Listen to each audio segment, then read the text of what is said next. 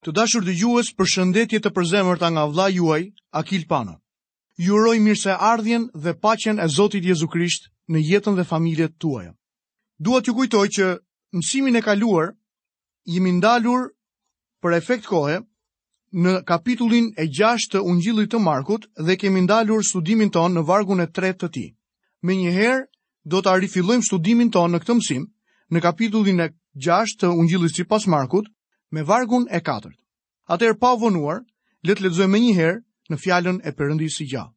Por Jezusi u tha atyre, asnjë profet s'është i përbuzur përveçse në vendlindjen e tij, në farefisin e vet dhe në shtëpinë e vet. Në atë kohë mendohej se eksperti ishte një djalë i zakonshëm, por që vinte gjithmonë nga një qytet tjetër. Me ne sot ndodh pak a shumë e njëjta gjë.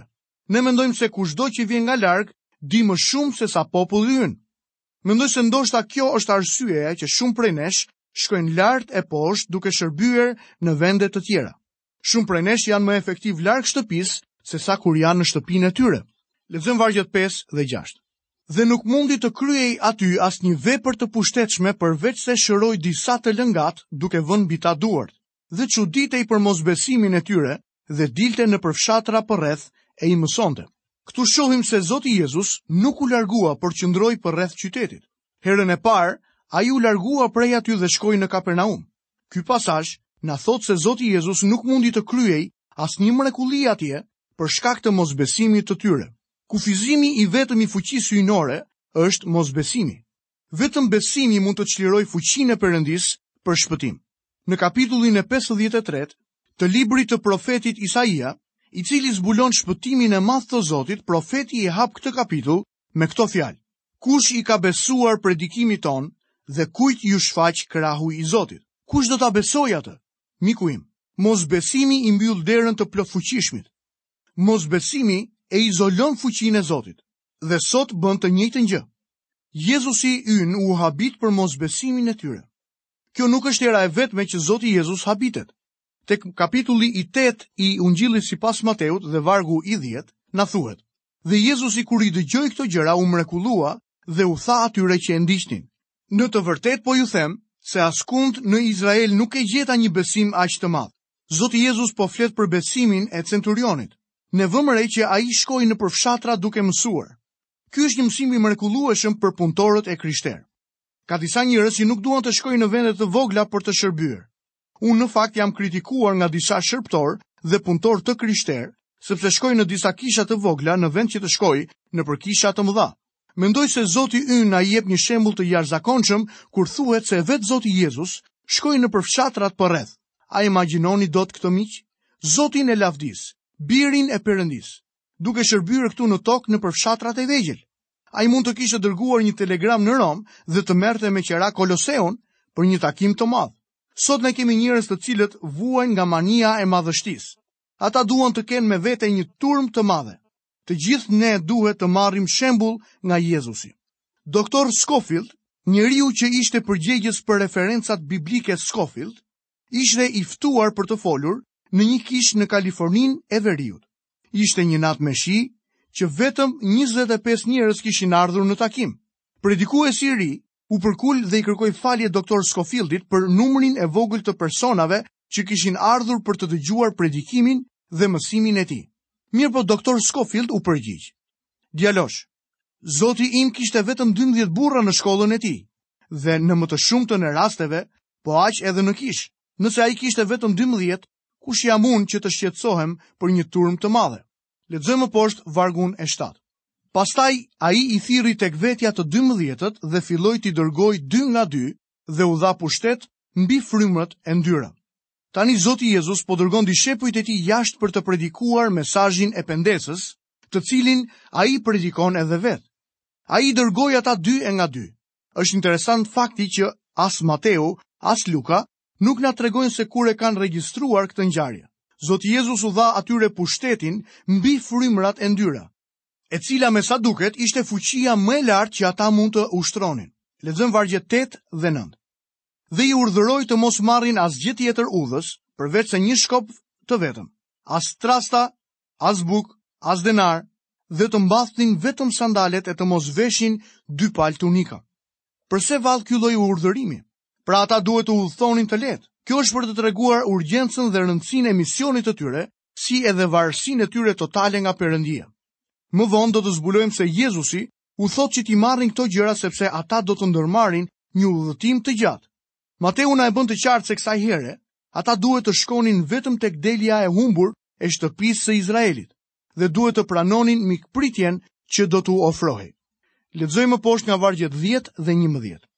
U tha atyre, kudo që të hyni në një shtëpi, rrini aty derisa të largoheni nga ai vend. Në qoftë se disa nuk ju presin dhe nuk ju dëgjojnë, kur të largoheni që andej, shkundni pluhurin nga këmbët tuaja si dëshmi kundër tyre. Në të vërtetë ju them se ditën e gjyqit Sodoma dhe Gomorra do të trajtohen me më shumë tolerancë sesa ai qytet. Udhëtimi që ata po ndërmerrnin ishte një udhëtim serioz dhe solemn. Gjithsecili do të ishte përgjegjës për fjalën që do të dëgjonte. Mohimi i hirit të Zotit tonë do të sillte gjykimin e tij. E njëjta gjë është e vërtetë edhe sot. Lexojmë vargjet 12 dhe 13 në kapitullin e 6 të Ungjillit sipas Markut. Kështu ata shkuan dhe u predikonin njerëzve që të pendoheshin. Dhe dëbonin shumë demonë dhe vajosnin me vaj shumë të lëngatë dhe i shëronin. Ata predikuan mesazhin e pendesës dhe mrekullitë vërtetonin mesazhin e tyre. Ky urdhërim u dha vetëm për delen e humbur të shtëpisë së Izraelit. Ai nuk është i vlefshëm për ne sot. Megjithatë, pendimi është pjesa qendrore e mesazhit të Ungjillit. Ai përfshihet në urdhërimin për të besuar. Regjistrimi i kësaj ngjarjeje është më i gjatë tek Ungjilli sipas Mateut. Fama e Zotit Jezus u përhap kudo në atë zonë. Jo vetëm njerëzit e zakonshëm, por edhe Herodi dëgjoi për Jezusin. Tani ne shohim reagimin e çuditshëm të mbretit Herod. Vdekja e Gjon Pagëzorit kishte ndodhur pak kohë më parë. Unë mendoj se ajo është regjistruar këtu për të shpjeguar habinë dhe reagimin supersticioz të Herodit. Lexojmë poshtë vargjet 14 dhe 15. Tani mbreti Herod dëgjoi të flitej për Jezusin sepse emri i tij ishte bërë i njohur. Dhe ai tha: "Ky Gjoni që pagëzonte u ngjall së vdekuri. Prandaj në të po veprojnë pushtetet çudibërëse." Disa të tjerë thoshnin, është Elia, dhe disa të tjerë, është një profet ose një nga profetët. Mund të shohim se Herodi ishte shumë supersticioz, por njerëzit kishin reagime të ndryshme për Zotin Jezus, për atë se kush ai ishte. I njëjti reagim ekziston edhe sot. Shohim se njerëz të ndryshëm kanë pikëpamje dhe shpjegime të ndryshme për personin, prezencën dhe fuqinë e Zotit Krisht. Pra Herodi ishte jashtëzakonisht i frikësuar për shkak të gjithë këtij konfuzioni që gjendej rreth e përqark tij. Lexojmë vargun e 16. Por kur i dëgjoi Herodi të gjitha këto, tha: Ky Gjoni të cilit ia pata prerë kokën, u ngjall së vdekuri. Herodi ishte i frikësuar. Shikojmë poshtë vargjet 17 dhe 18. Në fakt Herodi vetë kishte dhënë urdhër të arrestohej Gjoni dhe të mbahej i lidhur në burg për shkak të Herodiadës, gruas së Filipit, vëllait të tij, sepse e kishte marrë për grua. Gjoni pra i thoshte Herodit, nuk është e lejueshme të kesh gruan e vëllait tënd. Vdekja e Gjon Pagëzorit kishte ndodhur pak kohë më parë nga kjo pikë e shërbesës së Jezusit. Vini re që Gjoni denoncoi me guxim mëkatin e shtresave të larta. Ai denoncoi Herodin sepse kishte marrë gruan e vëllait të tij, Herodianën. Kjo e zemëroi atë dhe e shtyu të komplotonte vdekjen e Gjonit. Lexojmë vargu 19 dhe 20. Dhe Herodiada e urrente dhe dëshironte ta vriste, por nuk mundte. Herodi pra i druhej Gjonit, të cilin e dinte si njeri të drejtë dhe të shenjtë dhe e mbronte, dhe mbasi e dëgjonte, kryente shumë gjëra dhe e dëgjonte me dëshirë. A e pengoi Herodiana Herodin që të kthehej tek Zoti? Le të shohim për këtë çështje vargun e 21 dhe 22. Por erdhi dita e volitshme dhe Herodi, për ditëlindjen e vet, shtroi një gosti për të mëdhenjtë e tij, për komandantët dhe për parinë e Galilesë. Hyri vetë e bija e Herodiadës, kërceu dhe i pëlqeu Herodit e atyre që ishin bashkë me të në tryezë. Atëherë mbreti i tha vajzës: Më kërko ç'të duash dhe unë do të ta jap. Herodiana i kërkoi vajzës së saj të kërcente përpara Herodit, sepse ajo e dinte se sa njeri shthurur dhe epshor Herodi ishte. Ai i dha bijës së Herodianës një mundësi të pakufizuar. Ajo mund të kërkonte çfarëdo që ajo të kishte dëshirë dhe Herodi do t'ia ipte. Lexojmë vargu 23 dhe 24. Dhe iu betua, gjithçka që të më kërkosh do të ta jap, deri gjysmën e mbretërisë sime. Ajo doli dhe i tha së ëmës, çfarë duhet t'i kërkoj? Ajo u përgjigj, kokën e Gjon Pagëzorit. E ëma ishte e përgatitur për këtë gjë, brutaliteti i kësaj gruaje është i frikshëm. Shikojmë poshtë 25-ën dhe 26-ën. Ajo u kthye menjëherë tek mbreti dhe i kërkoi me nxitim. Unë dëshiroj që ti të më japësh menjëherë, mbi një pjatë, kokën e Gjon Pagëzorit. Dhe mbreti megjithëse u trishtua shumë nga kjo, nuk deshi të refuzojë për shkak të betimit dhe për respekt të të ftuarve. Këtu na zbulohet një tjetër dobësi e Herodit. Ai ka frikë nga ajo se çfarë mund të mendojnë miqtë e tij për të. Ai kishte një ide të gabuar mbi vlerën e betimit. Lexojmë vargu 27 dhe 28. Kështu mbreti dërgoi menjëherë një roje me urdhër që t'i sillnin kokën e Gjonit. Dhe ky shkoi, ia preu kokën në burg dhe e solli kokën e tij mbi një pjatë dhe ia dha vajzës dhe vajza ia dha së ëmës. Kjo ishte një vrasje me gjakftohtësi. Lexojmë poshtë vargun e 29. Kur dishepujt e Gjonit i dëgjuan këto, erdhën, morën trupin e tij dhe e vunë në varr. Dishepujt e Gjonit morën trupin e tij pa kokë dhe e varrosën. Marku tani rikthehet në rrëfimin e shërbesës së Jezusit. Apostujt japin raportin e tyre të parë. Vini re mungesën e detajeve. Lexojmë vargun 30 dhe 31. Tani apostujt u mblodhën tek Jezusi dhe i treguan të gjitha ato që kishin bërë dhe i kishin mësuar. Dhe ai u tha atyre: "Ejani veçmas në një vend të vetmuar dhe pushoni pak." sepse njerëzit që vinin dhe shkonin ishin aq shumë sa s'u dilte koha as për të ngrënë. Është e pamundur të kuptojmë se sa i zënë ishte në të vërtetë Zoti Jezus dhe se sa të mëdha ishin kërkesat për të. Ai duhet të tërhiqej në një zonë të pabanuar që të mund të pushonte bashkë me dishepujt e tij. Lexojmë vargun 32 deri në vargun e 34. U nisën pra me një barkë drejt një vendi të vetmuar e të mënjanuar, porsa turma i pa që u nisën dhe shumë veta e njohën dhe nga të gjitha qytetet, erdhën aty me këmbë dhe mbërritën përpara tyre dhe u mblodhën rreth tij. Kur Jezusi doli nga barka pa një turmë të madhe dhe iu dhimbs, sepse ishin si delet pa bari dhe nisi t'u mësojë shumë gjëra. Ishte e kotë të përpiqeshe për të gjetur një vend për të qenë vetëm. Turma i ndiqte ata përgjatë bregut të Detit të Galilesë. Ata ishin atje për t'u takuar me Jezusin dhe dishepujt. Jezusi reagoi me keqardhje ndaj tyre. Të gjithë njerëzit janë dele për të. Ai është i vetmi bari i vërtetë. Kjo është edhe arsyeja që Zoti ynë i ushqeu ata. Së pari ai plotësoi nevojat e tyre shpirtërore duke i mësuar, Pastaj, plotësoi nevojat e tyre fizike duke i ushqyer. Lexojmë vargun 35 deri 37. Duke qenë se u bë vonë, dishepujt e tij iu afruan dhe i thanë: Ky vend është i shkretë dhe tashmë është vonë. Lejoji këta njerëz që të shkojnë në fushat dhe në fshatrat rreth e qark që të blejnë bukë, se s'kan gjë për të ngrënë. Por ai duke iu përgjigjur u tha atyre: U jepni ju të hanë. Ata i thanë: A duhet të shkojmë ne të blejmë për 200 denarë bukë dhe t'u japim të hanë? Zoti Jezus i urdhëroi të bënin diçka të pamundur. Ata duhet të mësonin, ashtu siç duhet të mësojmë edhe ne. Zoti ynë gjithmonë urdhëron të pamundurën. Arsyeja është e qartë. Ai ka për qëllim kryerjen e punës. Lexojmë më poshtë nga vargu i 38 deri në vargun e 44. Dhe ai u tha atyre, sa bukë keni, shkoni e shikoni. Ata mbasi shkuan, thanë, pesë bukë e dy peshq. Atëherë ai urdhëroi ata që t'i rregullojnë të gjithë, ulur në grupe mbi barin e njomë. Kështu ata u ulën në grupe nga 100 e nga 50.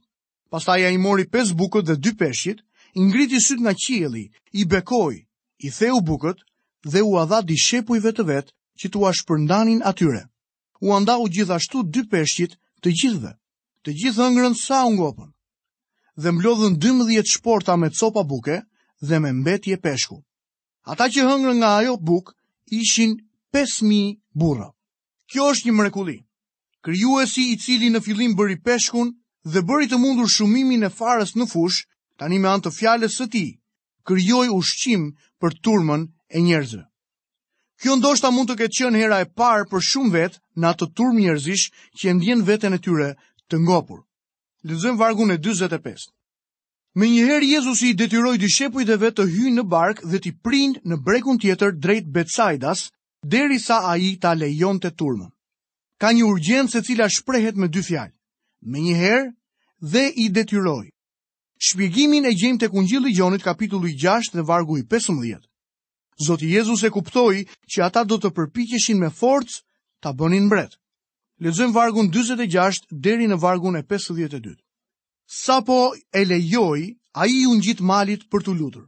U ngrys, barka ishte në mes të detit dhe ai ishte i vetëm fare në tokë. dhe kur i pa dishepujt që po mundoheshin duke vozitur, sepse era ishte kundër tyre, aty nga roja e katërt e natës, ai u nis drejt tyre duke ecur përmbi det, dhe donte t'i kalonte. Por ata, kur e panë që po ecte mbi det, menduan se ishte një fantazmë dhe filluan të bërtasin.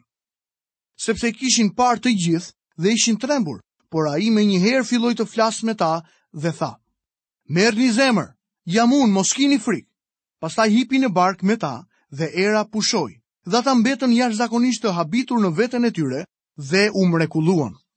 Sepse nuk e kishin kuptuar ndodhinë e bukëve, sepse zemra e tyre ishte ngurtësuar. Vini re që këtu nuk e shohim përshkrimin e ecjes së Pjetrit mbi ujë për të shkuar drejt Zotit Jezus. Në fakt në planin njerëzor, Marku e ka marrë këtë informacion pikërisht nga Pjetri, dhe me sa duket, Pjetri e ka lënë jashtë pjesën që ka të bëjë me të. Është Mateu që na jep këtë detaj. Dua të tërheq vëmendjen tuaj në vargun e 48 ku thuhet: Dhe kur i pa dishepujt që po mundoheshin duke vozitur. Këta burra ishin në barkë atë natë të djersitur nga mundimi dhe të njomur nga uji i dallgëve që përplaseshin me barkën e tyre të vogël. Ata po mbanin fort rremat dhe mbase mendonin se po fundoseshin. Zoti Jezus i pa ata të mundoheshin duke vozitur. Më pëlqen shumë kjo pjesë. Unë nuk e di se ku ndodheni ju sot, apo se në çfarë situate gjendeni. Mbase jeni në vështirësi. Ndoshta jeni i ulur vetëm në një cep të errët. Ndoshta jeni duke u përballur me tundime dhe probleme që janë tepër të mëdha për t'u mbartur. Mbase e shihni veten jashtë në një det me stuhi, dhe ndiheni sikur barka juaj e vogël po fundoset. Kam disa lajme të mira për ju miqtë e mi. Zoti Jezus i pa ata që po mundoheshin duke vozitur. Ai të shikon edhe ty. Ai i di problemet e tua. Ju nuk keni pse t'i dërgoni Jezusit sinjale për t'ia bërë të ditur. Ai tashmë i di. Në ditë të tilla, ju mund të mbështeteni tek Zoti Jezus plotësisht. Kjo është diçka që shumë prej nesh kanë nevojë të bëjnë në kohë të tilla errësire. Vetëm mbështetuni tek Zoti Jezus. Ai i pa ata që po mundoheshin duke vozitur. Vetëm Marku e regjistron këtë gjë. Pastaj ne shohim se Jezusi erdhi tek ata dhe hipi në barkë me ta. Dhe Marku thotë, dhe ata mbetën jashtëzakonisht të habitur në veten e tyre dhe u mrekulluan. Në përfundim të këtij kapitulli, shohim që Zoti Jezus shkoi në Nazaret. Mbasi kaluan, arritën në krahinën e Genesaretit dhe aty e lidhën barkën. Dhe kur dolën nga barka, njerëzit e njohën menjëherë. Si përfundim do të doja që t'i dëgjonit me vëmendje këto vargje. Lexojmë nga vargjet 53 deri në vargun e 56. Dhe duke përshkruar me vrap mbarë krahinën përreth, filluan të sjellin të sëmurë në vigje, kudo që dëgjonin se gjendej. Dhe kudo ku ai vinte në fshatra, në qytete a në lagje, njerëzit i vendosnin të lënguarit në sheshe dhe e lutnin që të paktën të mund të preknin cepin e rrobës së tij, dhe të gjithë ata që e preknin shëroheshin. Unë dhe ti nuk mund ta marrim dot me mend se sa shumë njerëz të sëmurë shëroi Jezusi. Më kujtohet se një sekt fetar ofronte 1000 dollarë për këdo që do të dilte para dhe do të pohonte se ishte shëruar nga një shërues besimi. Por ato mijëra dollarë nuk u morën kurrë. A nuk është e habitshme kur dëgjon gjithë këtë propagandë që bëhet sot përreth nesh? Në ditët e Zotit Jezus, Kushdo mund të numëronte ata mijëra njerëz që u shëruan prej tij.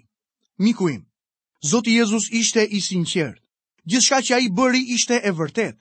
Kjo është edhe arsyeja pse armiku kurrë nuk e mohoi se gjërat që Jezusi bëri ishin mrekulli. Të dashur dëgjues, këtu kemi mbërritur dhe në fundin e programit të sotëm. Me keqardhje ju them që na duhet ta mbyllim këtë emision për t'ju kujtuar të qëndroni së bashku me ne në programin e ardhshëm. Deri atëherë, paçi të gjitha bekimet dhe paqen e Zotit Jezu Krisht në jetën tuaj.